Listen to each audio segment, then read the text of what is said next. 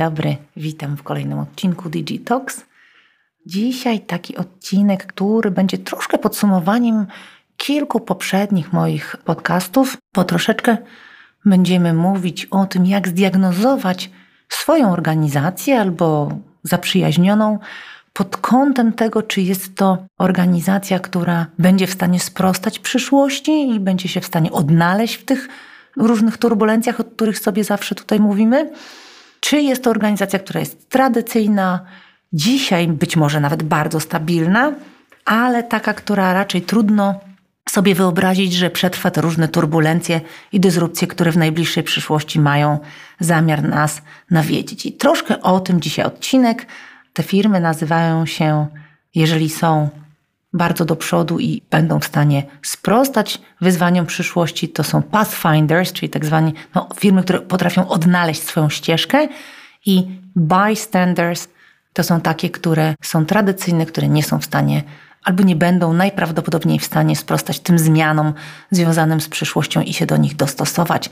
To jest nazewnictwo, którego między innymi używa profesor Amy Webb, ale jest to ono już szerzej używane, a ja bardzo je lubię i o tym chciałabym Wam dzisiaj opowiedzieć. Jak można ocenić, czy moja organizacja widzi trendy, eksperymentuje i jest odporna, takie ulubione nasze dzisiaj słowo według Nikolasa Taleba, antykrucha. Antykrucha jest bardzo dobrym słowem E, tutaj, bo to oznacza, że jest taka giętka i nie odporna w sensie sztywna, tylko właśnie giętka dostosowująca się, jeśli chodzi właśnie o przyszłość, czy też jest to organizacja, możemy tak myśleć o swojej firmie, o takiej, w której pracujemy, czy też jest to organizacja, która choruje na tak zwany nowizm, tak? czyli na to, że nie jest przygotowana na przyszłość, tkwi w teraźniejszości i uważa, że ta teraźniejszość będzie też przyszłością, że dokładnie tak samo wszystko będzie wyglądało dalej. No właśnie, wiele organizacji ma tendencję do przegabiania ważnych, pojawiających się i wcale to nawet nie takich ukrytych trendów, bo całkiem bardzo dobrze widocznych.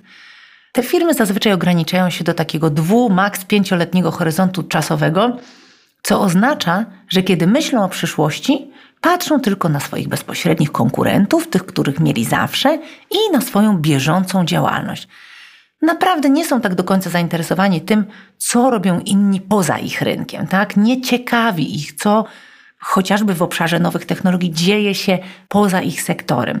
Mają tendencję do zamykania się na alternatywne punkty widzenia na przyszłość, dopóki nie ma prawdziwego kryzysu. Kiedy tąpnie, dopiero wtedy są skłonni spojrzeć na te zewnętrzne sygnały i pojawiające się trendy, ale niejednokrotnie jest to za późno. To jest bardzo ważne, bo te firmy zazwyczaj chcą znać dokładnie zwrot z inwestycji, tak zwany ROI, Return on Investment. Chcą stuprocentowych odpowiedzi, zanim jeszcze odbędą spotkania w celu zbadania alternatyw, to już wiedzą, jaki z tego będzie efekt, jaka z tego będzie korzyść, jakie konkretne są tutaj wydatki, a w wielu przypadkach przyszłość jest tak nieodgadniona, nawet taka w krótszym horyzoncie, że nie jesteśmy w stanie tego przewidzieć, a mimo to powinniśmy, powinniśmy w to pójść, powinniśmy to zrobić. Więc te firmy, jeśli dokonują inwestycji, jeśli dokonują jakiejś strategicznej zmiany, muszą najpierw znać konkretne efekty, co jest nawet trochę śmieszne, ponieważ jeśli mówimy o pojawiających się sygnałach, nie ma sposobu, aby wiedzieć, jaki jest wskaźnik rentowności z wyprzedzeniem. I w ogóle bardzo jest ciężko ocenić, co z tego będzie. Ale w czasach dysrupcji, w czasach zmian jest to jedyna droga, jedyna droga. Więc firmy, które stoją w miejscu, tak zwane bystanders właśnie, prawie zawsze wierzą, że kontrolują tę przyszłość, że są odpowiedzialne za swoją przyszłość, za przeznaczenie działania tej organizacji, ponieważ jeśli tworzą plany i przestrzegają ich, to myślą, że przyszłość będzie wyglądać tak, jak zaplanowali. Co jest niemożliwe i to czyni ich bardzo bezbronnymi, jeśli coś się zmieni, a zmieni się na pewno, to już wiemy po prostu zwykle nie zdają sobie kompletnie z tego sprawy. Dobrym przykładem, o którym zresztą już opowiadałam, jest BlackBerry. Tak? Każdy kiedyś miał BlackBerry. Byli tam zresztą w tej organizacji menadżerowie, którzy widzieli te sygnały w wystarczającym czasie. Zresztą również w Kodaku byli tacy menadżerowie, są, są nawet znani. Wiedzieli, że będą różne zmiany, widzieli te sygnały, chcieli dokonać zmiany. Problem polegał na tym, że ci menadżerowie nie byli słuchani, nie byli wiarygodni poza swoimi działami, a świadomość, którą mieli, nigdy albo nie dotarła do wyższej kadry kierowniczej, która mogła podjąć inne decyzje, albo jeśli dotarła, to kompletnie nie była wysłuchana. A jako organizacja Istniała też bardzo ogólna niechęć do zaprzeczania pielęgnowanym przed lata przekonaniom i takiemu poczuciu sukcesu. W BlackBerry poczucie sukcesu było bardzo wysokie, bo ten sukces na początku był. Kultura korporacyjna była taka, że karała albo wręcz jakby nie nagradzała, nie widziała odmiennych pomysłów, tak nie, nie szanowała tego, że ktoś ma alternatywny pomysł. No właśnie. A teraz taka firma jak taka, która stoi w miejscu i ma liderów, którzy stoją w miejscu, bystanders, powiedzą po wysłuchaniu tego podcastu: A, świetny odcinek, ciekawy, ale ja mam swój PNL, mam swój koniec kwartału, muszę się o to martwić, te rzeczy wydają się być dość dalekie, to jest jakaś tam przyszłość, na pewno mnie to nie będzie dotyczyć. Ile ja tego słyszę? Bardzo wiele osób, bardzo wiele firm tak dokładnie mówi. Nie jest to takie pilne, więc nie muszę się teraz tym zajmować. Przyszłość jest daleko, to będzie 2050 rok, to już mnie nie będzie w tej firmie. No właśnie. I firmy takie jak ta będą miały problemy w pewnym momencie, i to wiele osób zajmujących się foresightem, właśnie myśleniem o tej przyszłości, nawet krótkoterminowej, wszyscy są do tego przekonani, że takie podejście prędzej czy później źle się skończy. No właśnie, porozmawiajmy teraz o przeciwieństwie tego.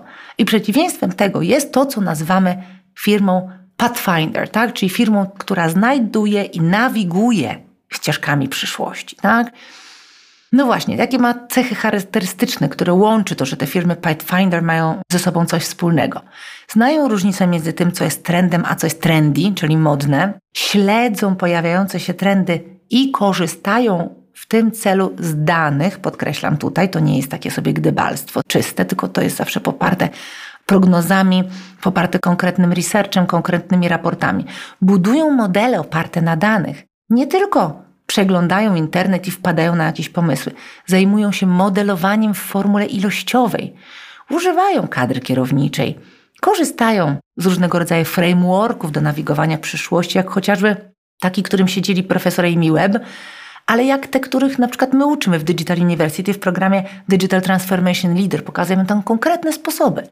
Firmy te owszem realizują strategię krótkoterminową, tak jak wszyscy inni, czyli ten horyzont czasowy powiedzmy od dwóch do pięciu lat, ale są też skłonne sięgać znacznie dalej, sięgają znacznie dalej.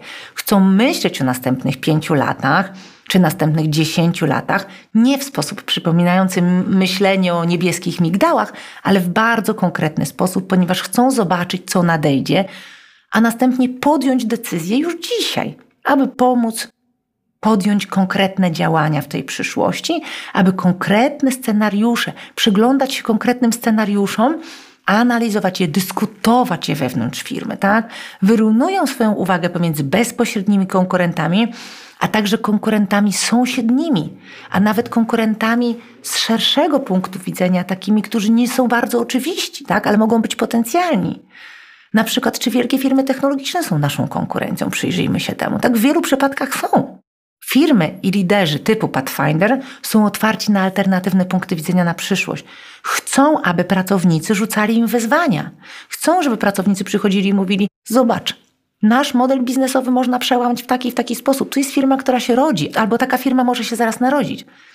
Chcą, aby ludzie przychodzili i pokazywali im alternatywne opcje i możliwości. Nagradzają wręcz pracowników, którzy kwestionują status quo. Tak? To jest kultura firm typu Pathfinders mają również możliwości strategicznego prognozowania, więc nie tylko zbierają się ad hocowo, aby poznać kilka trendów lub zrobić kilka scenariuszy teraz i potem, ale mają zespół, który jest szkolony, wie co robi i tę pracę wykonuje przez cały rok. Sami liderzy są skłonni do elastyczności, są skłonni do iteracji, ponieważ uznają, że rzeczy zawsze są zmienne, zawsze się zmieniają. Wszystko to sprawia, że firma typu Pathfinder jest odporna na działanie dysrupcji. Fenomenalny przykład takiej firmy to Nintendo. Naprawdę to jest przykład absolutnie obłędny. O tym właśnie przy okazji Masters and Robots opowiadała profesor Amy Webb. No właśnie, takie pytanie, czy wiecie, kiedy powstało Nintendo? Jeśli słuchaliście tego wykładu, to oczywiście wiecie, natomiast ja byłam zaszokowana, bo wydawało mi się, że to były lata 1970, 1980, takie 80. Tak, były to lata 80., natomiast to był 1880 rok, tak? Czyli Nintendo ma prawie 150 lat. Pierwotnie zaczęli od robienia kart do gry, takich pięknych papierowych kart. W 1889 roku się to pojawiło. Kiedy Nintendo robiło te karty, to potrzebowało niesamowicie wysoko wykwalifikowanych pracowników, potrzebowali całej sieci rzemieślników, producentów papieru, ale też malarzy, którzy tworzyli te piękne obrazy na tych kartach, ludzi do projektowania gier, sił sprzedaży oczywiście, więc potrzebowali bardzo wysoko wyspecjalizowanej, wyszkolonej grupy ludzi, która dla nich pracowała. Te karty były bardzo drogie, więc tylko bogaci w społeczeństwie mogli sobie na nie pozwolić. No, I radzili sobie naprawdę dobrze, mając taki luksusowy produkt, bardzo unikalny. Ale w latach dwudziestych zaobserwowali i Nintendo było tego świadome, nie było zadufane w sobie i w tych swoich kartach zakochane. W latach dwudziestych zauważyli, że świat się zmienił. Japonia przeszła rewolucję kulturalną. Mieli zupełnie nową kulturę, odmienny system rządów, dodatkowo przyszła druga wojna światowa, zaraz niedługo, pierwsza, potem druga. I okazało się, że zaczęły być popularne inne formy rozrywki. Pojawiło się radio dosyć szybko, tak? Potem niedługo przyszła telewizja. To były bardzo duże sygnały zmian. I teraz jeśli Nintendo powiedziałoby, robimy te super, super ekskluzywne, fantazyjne karty do gry, one przetrwają każdą dysrupcję, są jeszcze tam może dwie firmy, które robią karty do gry, więc musimy tylko zrobić coś lepszego niż tamte dwie firmy. To skupialiby się po pierwsze na tych dwóch firmach jako bezpośredniej konkurencji i tylko dla obserwacji swojego wąskiego rynku. To już dzisiaj dawno by ich nie było, bo tyle innych rzeczy się wokół zmieniło. Ale tak się nie stało. Nintendo znamy do dziś. Stało się bardzo dobre w pewnym momencie w śledzeniu sygnałów i trendów i myśleniu o przyszłości jak to może wpłynąć na ich klientów, jakie oni będą mieli potrzeby, jak je można zaadresować cały czas pewną formą rozrywki. Tak więc w latach 40. zauważyli, że wszędzie zaczęły się otwierać kina, pojawiły się kreskówki i pomyśleli sobie, okej, okay, naszym zdaniem dzieci są gotowe, aby dokonywać również własnych zakupów, a przynajmniej wpływać na rodziców, żeby tych zakupów dokonywali zgodnie z ich potrzebami. Nie będą chciały kupować naszych kart. Będą dorastać w kinie, będą robić zupełnie inne rzeczy i co innego je będzie kręcić. Więc w Nintendo coś, zrobiono coś naprawdę inteligentnego. Nintendo zdecydowało się zdobyć licencję postaci Disneya i zaczęli robić gry dla dzieci, które były ogromnym sukcesem. Ale w latach 60. telewizory stały się bardziej przystępne i znowu Nintendo pomyślało, w świecie, w którym masz film w swoim domu, dlaczego ktoś miałby grać w grę karcianą, tak? Albo dlaczego ktoś miałby chodzić często do kina. Więc co zrobili? Wymyślili grę, którą można podłączyć do telewizora. Wymyślili konsolę, ale nie poprzestali na tym. W latach 80. zauważyli, że młodzi ludzie spędzają czas w centrach handlowych. Nie wiadomo dlaczego, ale wyglądało na to, że mimo iż można było zostać w domu, grać we wspaniałe gry na telewizorach, no Nintendo mogło się pławić w tym, patrzeć tylko na bezpośrednią konkurencję, ale zauważyli, że ludzie wybierają chodzenie po centrach handlowych z jakichś przyczyn, zwłaszcza ich grupa docelowa. No właśnie, jak wówczas umożliwić tym ludziom dostęp do naszych gier, pomyślało Nintendo. Co zrobili? Wszyscy są w centrum handlowym, mogą dalej grać w gry. Za każdym razem, jeśli chcesz zagrać, możesz zagrać w automacie, które stworzyło Nintendo do centrów handlowych. A oczywiście za każdym razem, kiedy chcesz zagrać, musisz zapłacić. To cię kosztuje odrobinę pieniędzy i możesz też grać razem z przyjaciółmi, prawda? I znowu sukces, ale znowu Nintendo się nie zatrzymało w tym miejscu. Potem pojawił się cały internet. W szczytowym momencie lat 80. Nintendo mówi sobie: OK, prawdopodobnie znowu będziemy potrzebować czegoś innego, bo znowu nasz konsument się zmienił, ma inne potrzeby. I wymyślili urządzenie, które jest dzisiaj wszystkim znane Game Boy. Tak? Game Boya wielu z nas miało. Więc gry stały się absolutnie przenośne. Możesz teraz grać w nie gdziekolwiek. Możesz grać w domu, możesz zabrać też do centrum handlowego, jeśli koniecznie chcesz. I nadal możesz być z przyjaciółmi i możesz grać w nasze gry. Czyli Nintendo cały czas jest z tobą. Tak czy inaczej. Jak widzicie, to jest nigdy niekończący się kołowrotek. Nadal się dzieje to w kółko i w kółko nawet dziś. Nintendo po prostu trzyma rękę na pulsie, jest świadome tego, jak wygląda świat. Dzisiaj jest świadome tego, że kolejnym krokiem jest rozszerzona rzeczywistość, wirtualna rzeczywistość, metaversum i jakie są w niej opcje. Dzisiaj Nintendo jest w trakcie wymyślania nowego parku rozrywki, gdzie ludzie są elementami gry. Jak możecie zauważyć, to nie jest sposób, w jaki działa większość firm. Większość firm ma raz osiągnięty sukces i chce odcinać od niego kupony. Oczywiście troszeczkę się rozwija, ale ta, zazwyczaj jednak rozwija ten konkretny produkt, a nie zmienia go i kompletnie modyfikuje swoje podejście właśnie zgodnie z tym, co potrzebuje konsument, jak zmieniło się postrzeganie konsumenta, jak zmienił się sposób zachowań konsumenta, jak, co przyniosły nowe technologie. No właśnie, dzisiaj jesteśmy w 2022. Większość firm myśli o przyszłości, ale w sposób liniowy, poprawiać się o 10%. Właśnie teraz, co robią nasi konkurencji?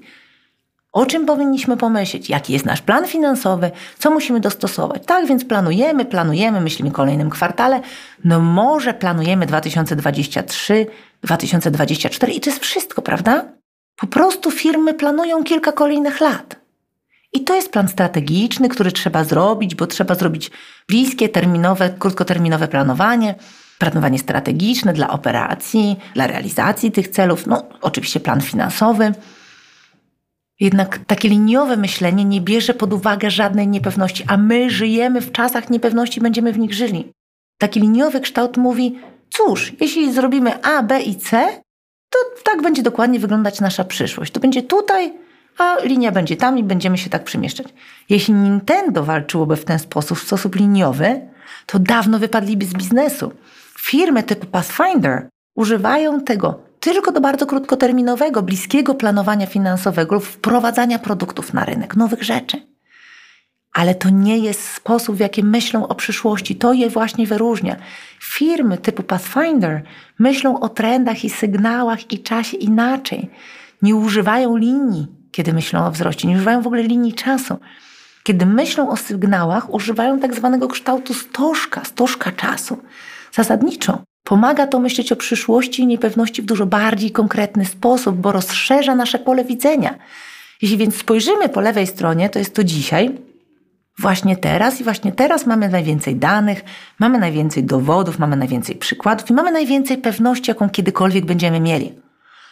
Dlatego możemy podejmować decyzje związane z doskonałością operacyjną, możemy planować realizację, możemy podejmować decyzje związane z taktyką praktycznie z bez ryzyka lub z bardzo niewielkim ryzykiem. No właśnie. Przemieszczając się w czasie, im dalej od dziś, tym więcej niepewności, więc tym się rozszerza to nasze pole widzenia, pole manewru, bo po prostu masz nowe sygnały, które przychodzą spoza Twojego sektora.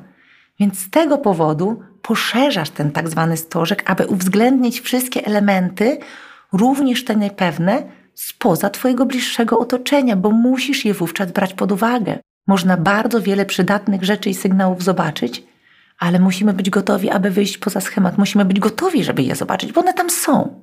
Zobaczcie tę historię Nintendo. Wszystkie te rzeczy były widoczne dla wszystkich firm, to była wiedza otwarta, ale kto z nich skorzystał? Nintendo i niewiele więcej. Chodzi o znalezienie bardzo konkretnych działań strategicznych, które można podjąć we wszystkich czterech horyzontach czasowych. To jest bardzo trudne dla firm, które są doskonałe pod względem operacyjnym, pod względem planowania, tak?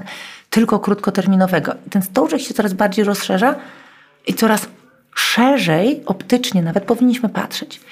No właśnie, tak na koniec krótkie podsumowanie, jak należy sobie zadać pytanie, żeby rozpoznać, czy nasza firma to bystander, czy pathfinder. Bystander, czyli ta stagnacja, ta firma, która raczej nie poradzi sobie z przyszłością, co robi? No na przykład omijają je ważne rozwijające się trendy, w ogóle ich nie zauważa.